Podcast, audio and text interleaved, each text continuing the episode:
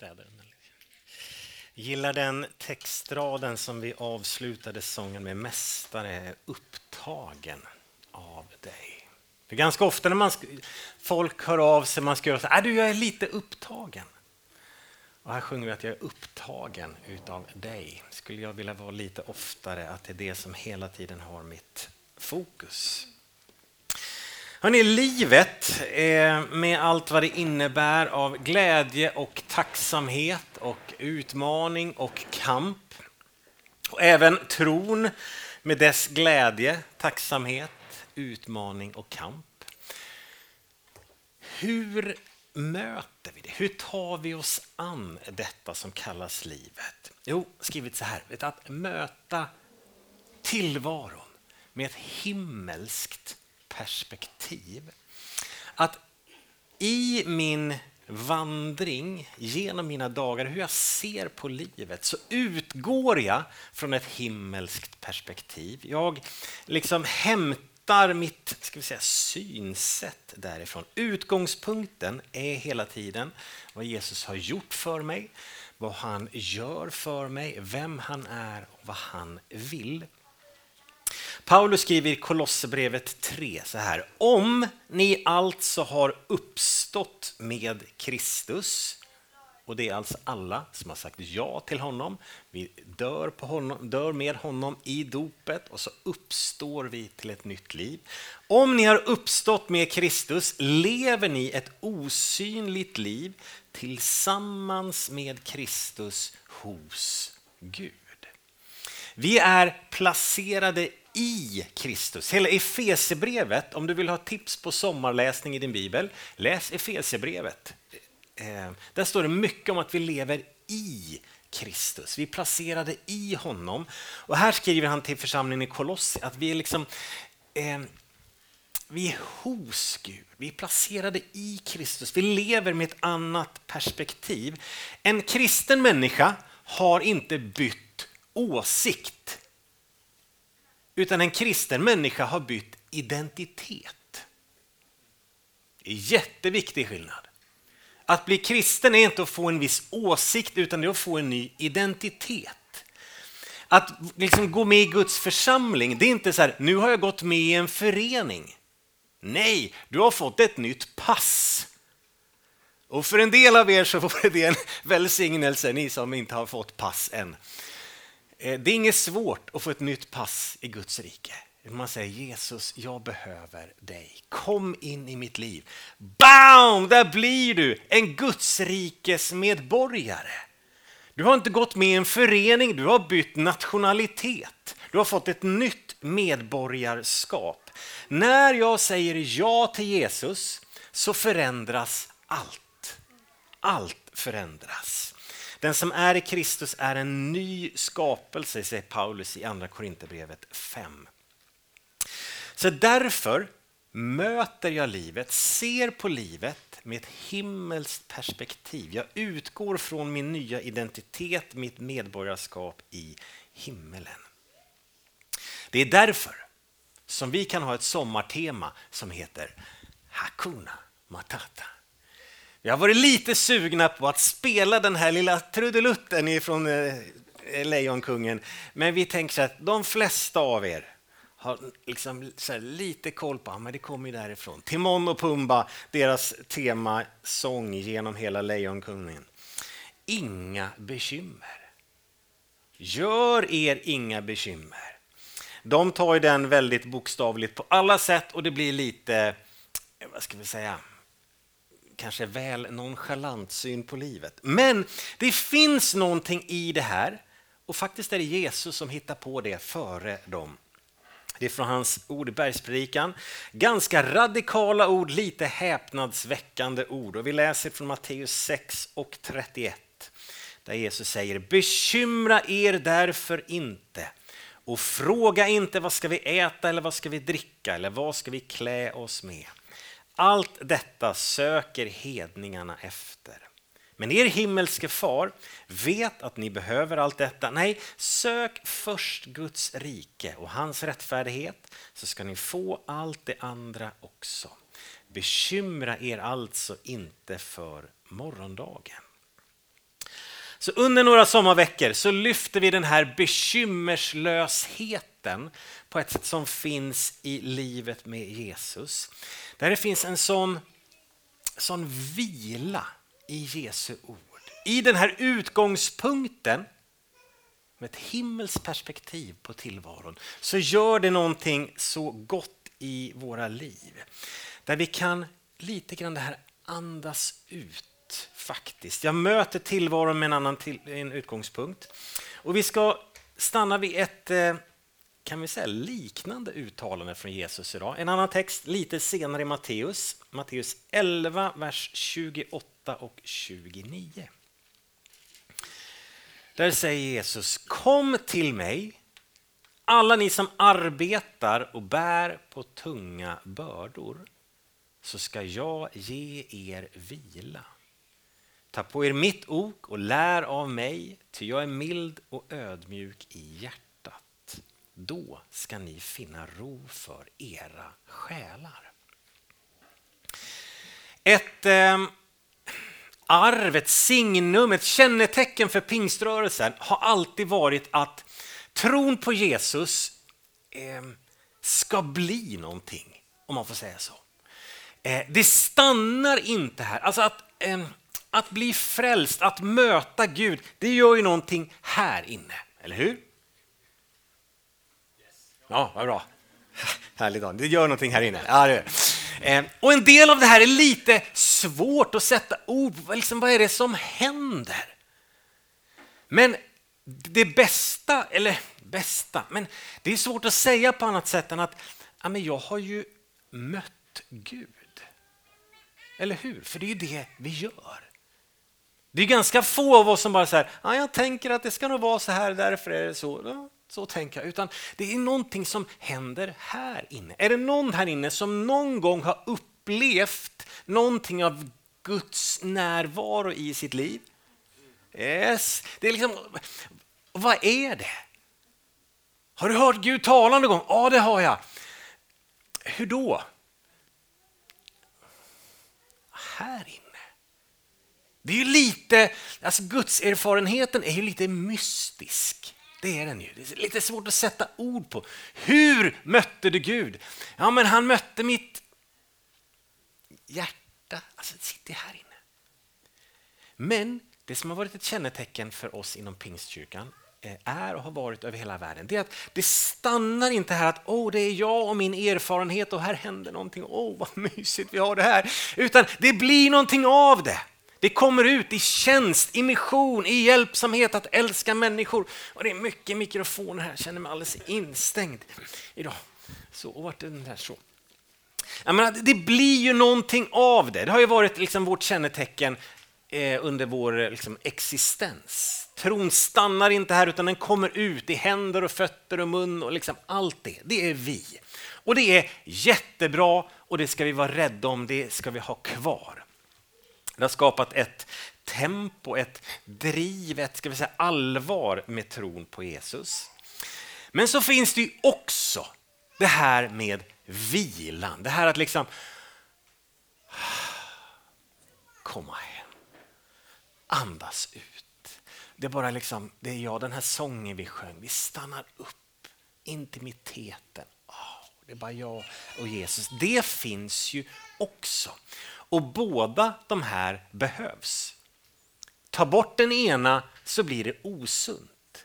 Om vi bara landar i till exempel den här sången, här, bara liksom det är jag och Jesus och det känns så gott här inne, så blir det, det kan bli ganska självcentrerat. Det blir lite världsfrånvänt. Det blir bara, mm, det är jag och mig och mitt. Men om jag bara hamnar i, det ska bli någonting, kom igen Jörgen, det är tjänst, det är liksom hjälpsamhet. Det kan bli ganska tröttsamt och också till den människa som då kanske inte orkar vara i tjänst så kan jag bli ganska hård. Men kom igen, sitt inte bara där, gör någonting. Tron måste bli någonting. Så båda de här måste finnas med för att det ska bli sunt. Men idag stannar vi upp vid det som är vila. Och den här texten handlar ju inte bara om paus från aktivitet. Det är inte bara den typen och kanske inte alls egentligen som den här texten talar om. Och när jag pratar om, om vila så finns en aspekt av en, en evig vila, säger vi ibland att någon har gått in i den eviga vilan. Det himmelska, vi får komma hem till, eh, till eh, Jesus när vi dör. Eh, Hebreerbrevet talar om en sabbatsvila kvar för Guds folk i det eviga. Men någonting som är vackert i den här texten, det är det här lilla ordet. Jag ska ge er vila. Jesus är inte en ovillig arbetsgivare som vi behöver strejka för att få ut vår rätt. Utan Jesus säger, Jörgen, jag vill ge dig vila. Det är ingenting som vi behöver kräva, ta oss liksom av honom, utan Jesus säger, jag ger er vila. Kom till mig alla ni som arbetar och bär på tunga bördor. Vad är det för bördor han talar om? Ja, sagt, det kanske inte är bondens fysiska tunga kroppsarbete framför allt. Eh, en börda som Jesus adresserar eh, det är ju det man kan kalla för lagens krav. Vi hade fariséerna och de skriftlärda som var noga med hur man levde, att man levde upp till en viss nivå av rättfärdighet. Då liksom, nu behagar du Gud, nu är han nöjd med dig. Och det är som att Jesus säger att vet du, jag lyfter av de bördorna. Ni behöver inte kämpa för att duga inför Gud. Det är inte så att om du gör de här, uppfyller de här kraven, då kommer Gud älska dig lite mer. Nej. Vid ett tillfälle så frågar lärjungarna så här, Jesus, vad ska vi göra för att utföra Guds verk? En jättebra fråga. Gud, vad ska vi göra för att göra dina gärningar? Och då svarar Jesus så här, vadå? Tro på mig. Det är att göra Guds gärning först och främst. Jesus säger, vänd dig till mig, lyssna till mig. Vänd hjärtat till mig. Vi behöver inte klara av en massa krav för att vara Guds barn. I Johannes 1 och 12 säger Jesus åt dem som då tog emot honom gav han rätten att bli Guds barn. Så en av eh, de här bördorna som Jesus lyfter av i våra liv, det kan vara den här att jag måste prestera för att duga inför Gud. Han bara, vi lyfter av det. En annan börda som han lyfter av det är ju syndens börda. Hebreerbrevet 12 talar om lägg bort allt som tynger och särskilt synden som snärjer er så hårt. Skuldbörda. Eh, att inte gå runt och bära på det. För det Jesus kommer med, det han gör på korset, är vad då? Han tar vår skuld. Han tar vårt straff. Han säger Jörgen, du är fri. Vi kan gå med tunga steg fram till korset där vi bär på synd och skuld, misslyckanden.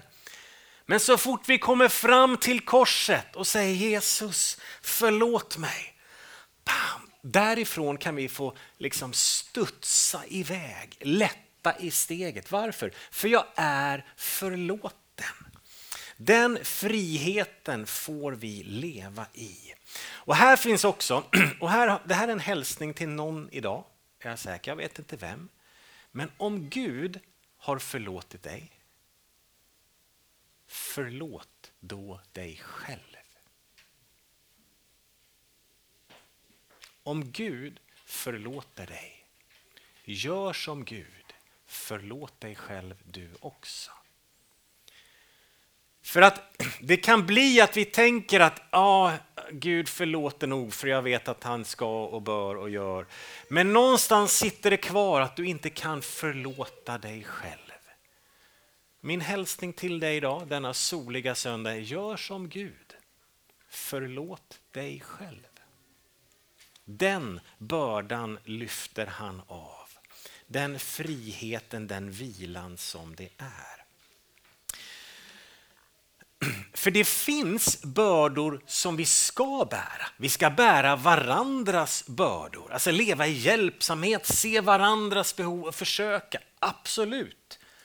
Och det blir svårare om jag bär på mina egna bördor i form av synd och skuld och oförlåtelse.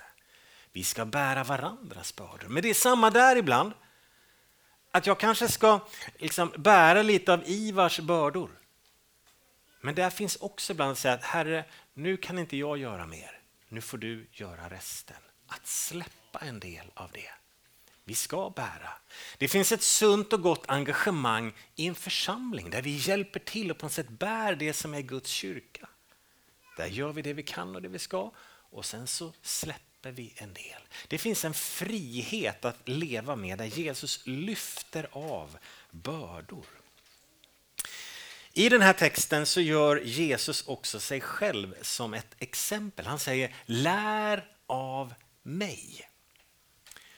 Och när vi ser på Jesu liv, om du läser evangelierna i sommar, om du vill ha ett annat boktips, läs evangelierna i sommar. Så ser vi att Jesus, ibland går han rakt in i väldigt, väldigt laddade och intensiva situationer och ibland så drar han sig undan. Och folk frågar efter honom. Vart är han någonstans? Och lärjungarna bara, ah, han vet inte. Han brukar försvinna ibland. Vi vet inte riktigt var han är. Han drog sig undan. Ibland drar han sig undan med bara ett par, tre av lärjungarna. Ibland tar han med sig de tolv och de drar sig undan från folk. Så Jesus är inte alltid tillgänglig. Ehm, och som som jag läste något citat någon gång, någon som sa så här, vi ska inte alltid be om mer kraft. Ibland ska vi gå och lägga oss. Smaka på den. Vet, ibland vi bara, Gud, orkar ni ge mig mer kraft? Och Gud bara, nej Jörgen, vet du, du ska inte ha mer kraft från mig, du ska gå och lägga dig. Ibland behöver vi kliva åt sidan. Det hör till livet som människa. Tänk ett av de tio buden, när, när Gud ska formulera något av det viktigaste. Vad behöver mitt folk få med sig? Så ett av buden var då vilodagen, sabbaten. Som ja, den är till för människa och Gud.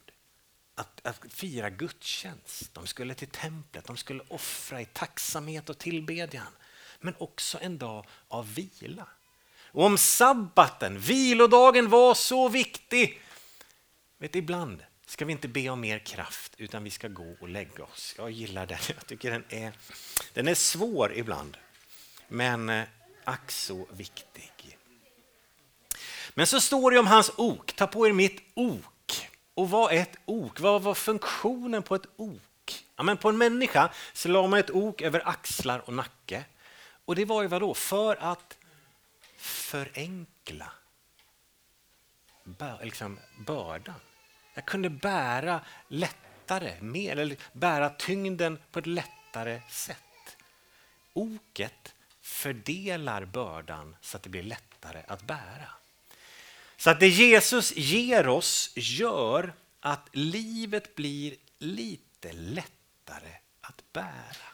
Det som är tungt i livet, det som är svårt i livet, det som ibland är på något sätt livets börda, säger Jesus, vet du vad Jörgen?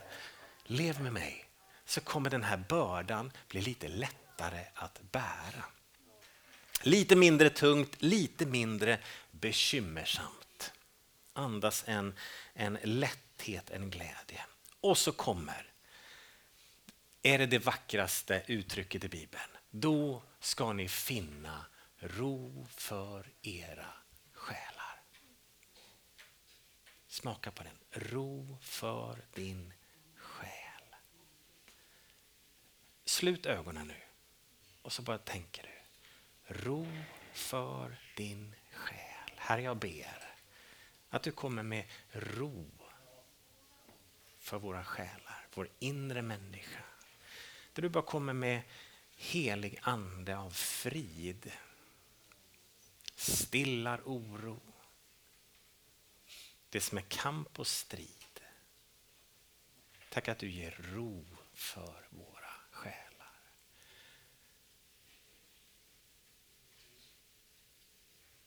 Det är så vackert. Det finns ro för din själ, min vän. Det är därför Jesus säger i Matteus 6, bekymra er inte. Gör er inte bekymmer. För det är någonting det här med oro och bekymmer som är tungt, som är kvävande, som liksom ah, håller ner. Och Jesus säger att Jörgen, du behöver inte leva i det. Det finns ro för din själ. Tänk om man kunde förpacka det här på burk och sälja till vår tid. Vilket rop det finns för ro i själen. Och du och jag, vet, när vi, blir, vi kan få leva trygga i vårt barnaskap. Jag är alltid Guds barn. Det hängde ju inte på mig vad jag lyckades och klarade av utan åt de som tog emot honom gav man rätt att bli Guds barn. Oh, vad skönt. Min synd är förlåten. Skuldbördan är borta. Oh, hur mycket mer kan man släppa ner axlarna? Liksom? Det är grej på det bara lyfts av. Grej efter grej efter grej. För att jag inte räcker till så finns ju det där korset som står där som befriar. Jag är förlåten. Och vilan, både för själen och kroppen, är ju en nödvändighet för att orka med eh, drivet, för att orka med och bära andra människors bördor. Därför behöver vi ron för själen och stillheten för kroppen lite grann. Att få, vet du, det är okej okay att få slappna av i sin tro på Jesus. Det finns ett allvar i tron, i livet, absolut. Men det finns också någonting av att bara Jesus. Man får glädja sig över att Gud är god. Jag tänker det här med att fira gudstjänst. Eh, det är ju inte så, vad ska vi säga, effektivt. Kan man inte göra något bättre? Här vi sitter liksom 90 pers här inne, en timme. Det är 90 timmar. Kan man inte göra något bättre med den tiden som är lite mer effektivt? Vi gör ju ingenting. Nej, lite grann så är det. Men det finns någonting om att fira gudstjänst, tänker jag, som är eh, som inte handlar om effektiviteten utan lite grann av det här att få, vi lutar oss bakåt och så beundrar vi. Vi älskar, vi tillber, vi stannar upp. Jesaja, när han möter Gud, han får se Gud på tronen. Och vad, vad gör Jesaja då? Kapitel 6. Han faller ner och tillber. När lärjungarna i Matteus 17 får se Jesus på det som kallas för förklaringsberget, när en del av liksom den här Guds härlighet är liksom bara plockas fram i Jesus, vad händer? De faller ner i beundran. När Johannes i Uppenbarelsebokens första kapitel får se in i himmelen och får se Gud på tronen så han springer ju inte heller iväg och gör en massa saker, utan vadå? Han faller ner i vördnad, i tillbedjan. Tänk, det finns någonting av gudstjänsten, av lovsången, av tillbedjan som är viktig för det perspektivet. Så kära vän, för jag uppmanar dig att nu det, när du firar gudstjänst, om det är här eller någon annanstans, om du åker på konferenser, vad det är, analysera inte för mycket. Det finns någonting av att liksom, ah, jag sjunger med eller att jag på något sätt börjar blicka in i det himmelska. Bara säga, Gud, det är egentligen skitsamma vilka ord vi använder. Nästan. Utan det handlar om att jag, jag ser, jag beundrar, jag blickar in, jag stannar upp. Det är lite grann av själens vila. Det är inte så effektivt, liksom effektivt men vilken nytta det gör i våra liv. Och så slutar vi i de första orden han säger. Kom till. Strax innan har Johannes döparen sänt iväg några lärjungar för att fråga Jesus, är du den som ska komma eller ska vi vänta på någon annan? Och Jesus säger, nej, ni ska inte vänta på någon annan. Nej, det finns ingen annan som kan lyfta av bördorna. Det finns ingen annan som kan ge ro för er själ, utan kom till mig. Jag är den som kan ge det.